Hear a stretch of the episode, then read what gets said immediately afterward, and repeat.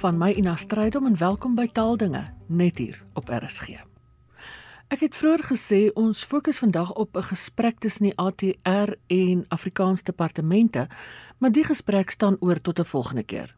In die plek daarvan praat ek vandag met 'n taalkundige skrywer van Viva, Nadine Forsie Karsten, oor 'n baie belangrike projek wat die Virtuele Instituut vir Afrikaans onlangs van stapel gestuur het.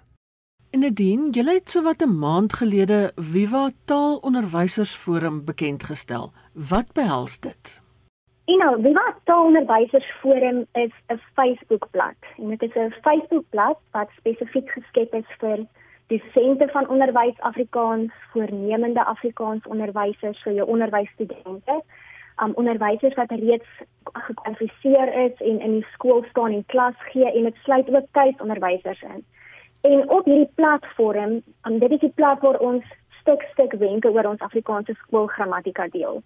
En ons het byvoorbeeld nou, nou al video's en podsendings geplaas waarin ons byvoorbeeld meer praat oor ons benadering tot ons Afrikaanse skoolgrammatika, maar um, ons het hierdie week begin gesels oor die adjektief, um, beter bekend as die byvoeglike naamwoord En dan gebruik ons meme met oulike karaktertjies wat spesiaal vir taalonderwysers forum geskep is. En in hierdie meme ontsluit ons da dan hierdie inligting oor die adjektief wat uit ons Afrikaanse skoolgrammatika kom. So dis dis die, dis die een ding wat ons doen. Ons help om hierdie inhoud toeganklik te maak. Maar buite hiervoor het ons ook baie keer meningsopnames wat ons hou. En hiervoor gebruik ons ons oulike het jy dit onder die knie neem ons het nou al 'n paar meervoudige keusevraagtoetsies gegee om te bepaal wat onderwysers oor 'n bepaalde onderwerp weet want dit stel nou weer vir Viva in staat om te weet aan watter fasette van die Afrikaanse skoolgrammatika meer tyd afgestaan word. Maar met die meningsopnames gaan dit nie net oor om um, kennis in te win oor onderwysers se kennis nie. Ons stel ook vas wat die tipiese probleme is waarmee onderwysers gekonfronteer word en dan deur middel van hierdie terugvoer wat ons ontvang dit dien weer as vertrekpunt om nuwe hulpmiddels of dienste te ontwikkel. En dan maak ons onderwysers ook telkens bewus van omstrede kwessies. Soos dat daar byvoorbeeld in verskeie handboeke aangedui word dat 'n byvoeglike naamwoord, kom ons neem geel as 'n voorbeeld, dat dit 'n naamwoord beskryf, byvoorbeeld kombers. En dan maak ons net onderwysers daarvan bewus dat dit eintlik nie so nie. 'n 'n byvoeglike naamwoord of 'n adjektief ken eintlik 'n eienskap toe aan die saak wat deur 'n naamwoord genoem word. So nie die naamwoord self nie, hy beskryf nie die woord nie. Um is dit hierdie tipe um, kwessies wat wat dan op taalonderwysersforum aan bod kom. En wat ons ook dan agterkom is op ons taalonderrig adviesdiens waarna ek 'n bietjie later gaan verwys of navraag wat ons deur middel van ons algemene adviesdiens kry indien ons nou bepaalde patrone opmerk. Soos wat is die verskil tussen woorde soos daarom, dis gevolglik aan die een kant en dan voegwoorde aan die ander kant. Skep ons bloks en klaskamer hulpmiddels en die lede van taalonderwysersforum word dan onmiddellik hiervan verwittig want ons plaas onmiddellik 'n aankondigingsneem en dan kan hulle op die skakel gaan klik en hulle word direk genavigeer na die plek waar hulle toegang tot hierdie hulpmiddels kan kry. Waarom is hierdie forum so belangrik vir Afrikaans onderwysers? En nou ek dink onderwysers het 'n groot behoefte aan inligting oor grammatika. Want grammatika word op skoolvlak mos ook taalstrukture en konvensies genoem. Maar hulle het nie net 'n behoefte aan inligting oor grammatika nie, hulle het 'n behoefte aan inligting oor grammatika wat deur 'n modereringsproses gegaan het. Want daar is menige hulpmiddels beskikbaar. Maar ongelukkig beteken dit nie dat die inhoud daarvan nagegaan is nie, maar die inligting oor ons Afrikaanse skoolgrammatika wat ons nou weekliks op taalonderwysersforum um, beskikbaar stel. Dit is geverifieer, dit is betroubaar, dit is belyn met internasionale navorsing. Um, kom ek gee net 'n idee oor hoe ons modereringsproses verloop. Het een van die hoofstukke geskryf het, dan jy kry jy, jy kry 'n hoofstuk en sodra jy dit klaar geskryf het, gaan dit na 'n interne moderator en die interne moderator lees hierdeur en as daar kwessies na vore kom, het ons 'n spesiale forum waarop hierdie kwessies bespreek word. En dan is dit jou verantwoordelikheid as outeur om die kommentaar van die moderator en die forumlede te verreken in jou afgehandelde hoofstuk. En dan gaan hierdie hoofstuk weer na die eindredakteur wat op hierdie stadium prof Adri Breed is en sy doen die finale kwaliteitskontrole voordat die hoofstuk enigstens op taalonderrigportaal gepubliseer word. En daarna word dit ook taalversorg. Um so onderwysers het definitief 'n behoefte na my mening aan gehalte versekerde inhoud. En wanneer onderwysers hierdie inhoud as vertrekpunt vir lesse neem, word leerders ook aan wat wat ook eendag moontlike loopbaan in die taalkunde wil volg en Afrikaanse vir universiteitsmodule wil kies, reeds op inhoudsvlak reg voorberei. Want wat ons opmerk is dat daar al beslisse diskrepansie op hierdie stadium is tussen die inhoud op skoolvlak en op tersiêre vlak.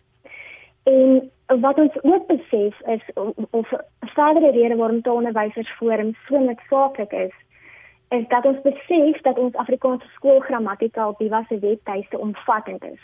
En onderwysers het nie noodwendig tyd om daardeur te werk nie. Daarom deel ons kerninligting. So ek wil eintlik sê taalonderwysers forum is hierdie bymekaar kom plek vir die Afrikaans taalonderwysgemeenskap om meer te leer oor die interessante patrone van ons taal. En ek, ek praat juist ek gebruik juist die term patrone en nie reëls nie want dit is wat ons deel. Hoe gebruik ons taal? En dit is dit is 'n plek wat jou waar jy jou met kennis bemagtig. En ja, ons deel dinge, maar onderwysers of ons gebruikers kan ook vir ons vra vra. Maar ek meen vra is vry. Ons wil jy sê dat hulle moet reageer op ons plasings en dit moet 'n geborgde ruimte vir hulle word. Nou ek het nou die dag so lekker gelag. Ek vra 'n meningsopname, watter tipe rangtelwoord is honderdste in die sin? ek het jou nou vir die 100ste keer gewaarsku. En een van die gebruikers reageer met ek weet nie, maar dit klink soos my 4-jarige seentjie.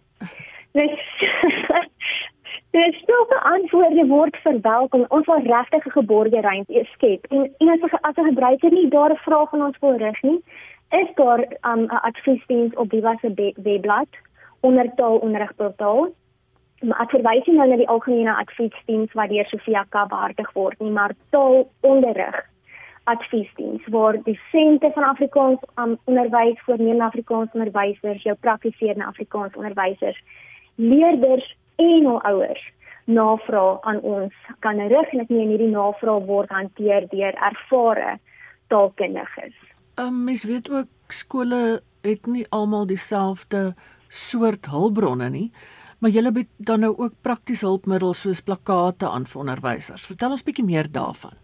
Ja, so die ding is jy het ons ons Afrikaanse skoolgrammatika wat nou aanlyn lê. Um dit ja, dit is nie toeganklik noodwendig vir almal nie dat jy handel baie data gebruik um wanneer jy toegang daartoe verkry en um, so dit net nog sê dit is baie omvattende inligting en dit is eintlik geskryf vir onderwysers in die VOO fase, die verdere onderwys en opleidingsfase, graad 10 tot 12. Mm. En wat ons toe gaan doen het is is om hierdie inhoud wat daar lê en reeds dit wonderlike inhoud, maar ons wil dit meer toeganklik gaan maak. So ons het die Afrikaanse skoolgrammatika wat soos ek reeds genoem het geskep is vir onderwysers in die VOO fase, het ons gaan vereenvoudig sodat dit in die klaskamer gebruik kan word. En dan het ons buiten dat ons op taalonderrigportaal nou 'n plek het vir ons Afrikaanse skoolgrammatika, is daar ook 'n afdeling klaskamer hulpmiddels en dit is juis waar hierdie hulpmiddels afgelaai kan word. Nou wat ons jy aan tot op datum het is 'n 'n A0 plakkaat met 'n uiteensetting van al die verskillende Afrikaanse woordsoorte en hulle subkategorieë of soorte en elkeen word ook met voorbeeldwoorde toegelig. So, so dit is 'n baie groot plakkaat, maar ons wil nie net stop met 'n uiteensetting van die verskillende woordsoorte nie. Ons het 'n A0 plakkaat gaan skep waar daar ook definisies gegee word vir elkeen van die woordsoorte en dit word ook geïllustreer met voorbeelde. Dan het ons ook 'n video gaan maak getiteld Inleiding tot woordsoorte waarin ons woordsoorte op 'n lewenswerklike visuele wyse met geur en kleur gaan voorstel ek vir gebruik in die Afrikaans klaskamer. En wat hierdie video na my mening so spesiaal maak is die feit dat ons dit in, so inklusief moontlik gaan maak het. Ons het klank en skrifbeeld geïntegreer. Want hierdie probeer ons ook om die inhoud toeganklik te maak vir diegene met sig en gehoorgestremdhede want hulle behoort dieselfde inhoud as hulle ewig meer te bemeester. Maar nou buite vir hierdie video En nou is daar nog 11 idealstukke wat ons ook gemaak het. En el, elkeen van hierdie 11 idealstukke verteenwoordig dan 'n ander woordsoort. So daar's 'n idealstuk vir die naamwoord, daar's 'n idealstuk vir die voegwoord en op elkeen van hulle het ons die kerninligting van die woordsoorte gaan opsom. En dit is iets wat leerders weer kan uitdruk en in hulle boeke geplak sou kon word, maar dit is ook van so hoë gehalte op die web gepubliseer dat dit uitgedruk kan word en as plakkate in die kinders se klaskamers gebruik sou kon word. So om toegang te kry moet gebruikers bloot net registreer en um, dan gaan hulle na portale en dan klik hulle op taalonderrigportaal en onder taalonderrigportaal gaan onmiddellik sien dat daar 'n skakel is na klaskamer hulpmiddels. Soos ek verstaan, is die onderrig van grammatika jou spesialisveld. Kan jy my meer vertel oor die benadering tot grammatika onderrig waarvan jy 'n voorstander is en waarom so 'n benadering belangrik is? Ja, en hy is die onderrig van grammatika vir my geweldig interessant. Ek ek is lief, ek is lief vir die teorie, maar om te weet hoe om dit onderrig is maar 'n uh, dis 'n moeilike kwessie. Op hierdie stadium doen ek navorsing oor hoe mens kan wegskram van die tradisionele wyse van grammatika onderrig. Nou die tradisionele wyse van grammatika onderrig word tipies gekenmerk deur die volgende. Daar is 'n aankondiging van die lesonderwerp. Byvoorbeeld, vandag gaan ons die sin behandel. En dit word gewoonlik gevolg deur 'n demonstrasie van 'n spesifieke taalvorm. In die geval van die sin, ons het as ons die sin as voorbeeld gebruik, dan sal dit wees dat mens 'n definisie hiervoor gee. Byvoorbeeld dat dit minstens uit 'n onderwerp en 'n gesegde bestaan. En dan word hierdie definisie hoor met voorbeelde toegelig. Byvoorbeeld Jan speel tennis. Waar Jan dan die onderwerp is en speel tennis die gesegde is.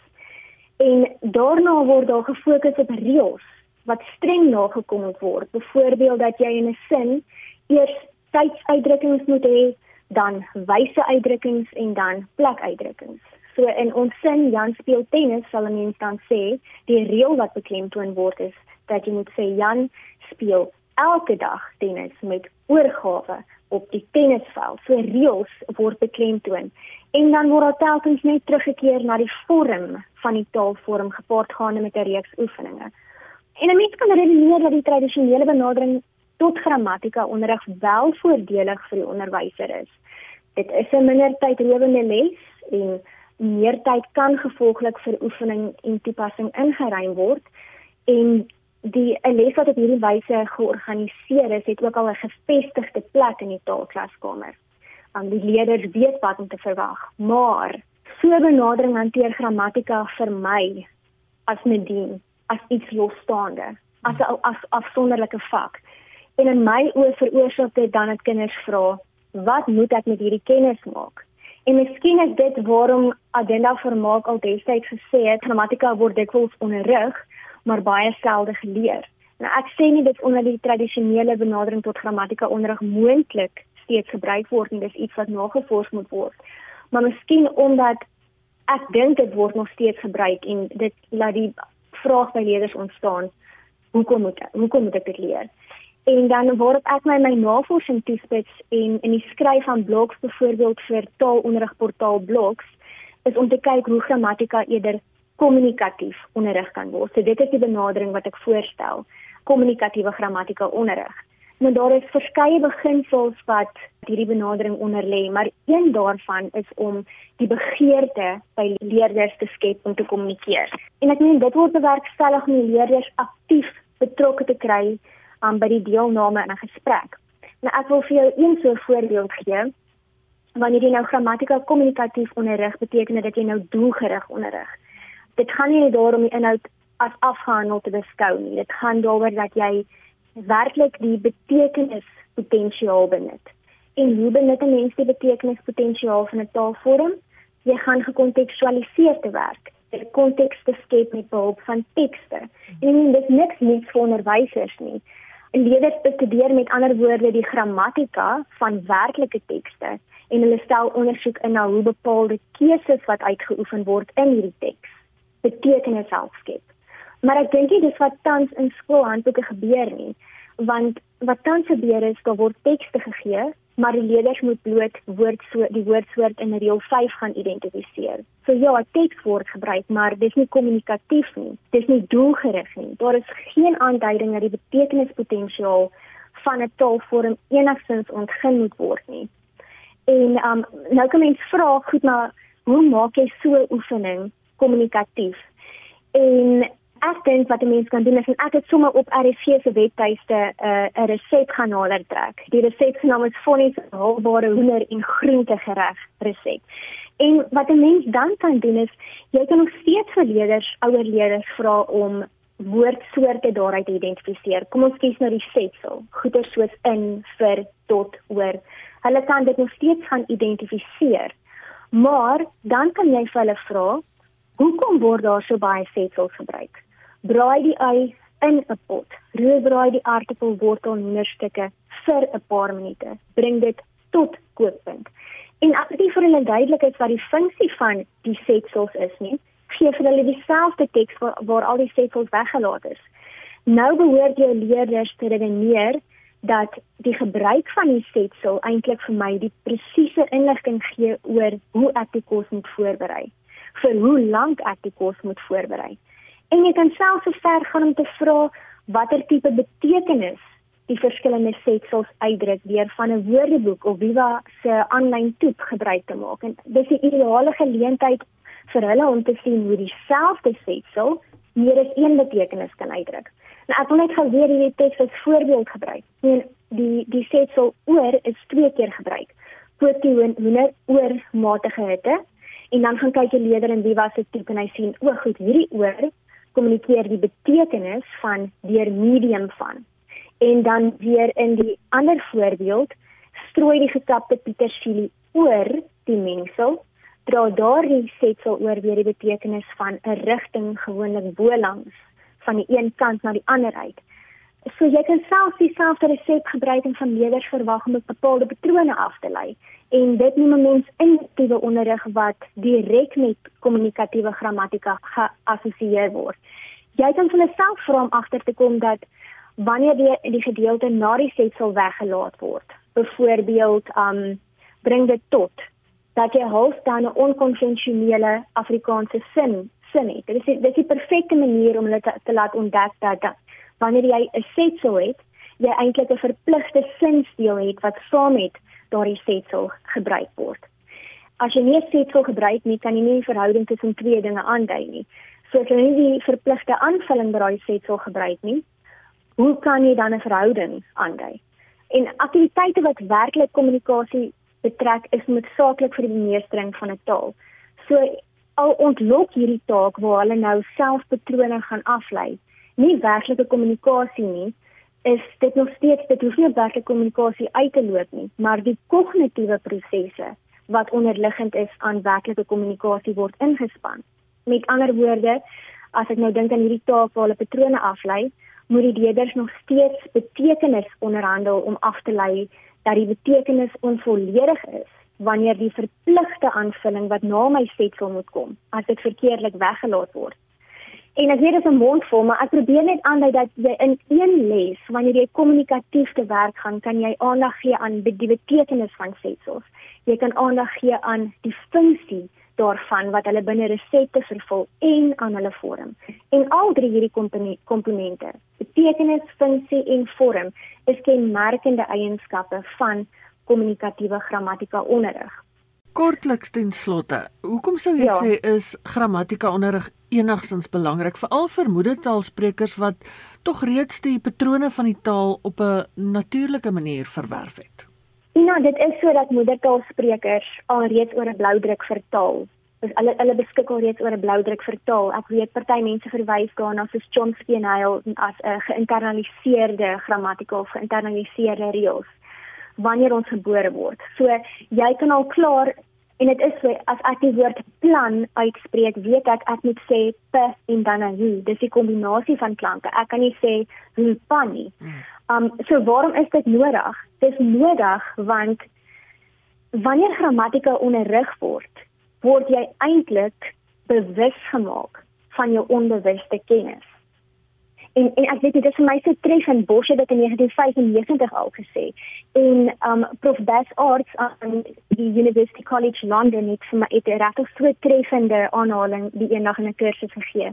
Language is a unique is uniquely human. So knowing about grammar, how language is structured helps us to understand who we are. Om grammatika onderrig te ontvang maak my bewus waarom ek taal gebruik soos wat ek gebruik. En dis dis net een van die redes. 'n Mens kan natuurlik uitbrei oor dat jy metataal ontwikkel, ja. taal om oor taal te kommunikeer. Ja. Maar ek dink nie dit dit gaan daaroor dat ons bewus raak van daardie onbewuste kennis wat waar ons alreeds beskik. Dit was Nadine Forsie Karsten, die projekleier van Viva se taalonderrigportaal. En Viva se webwerfadres is www.viva-afrikaans.org vir meer besonderhede oor die taalonderrigportaal. Dis dan al vir vandag.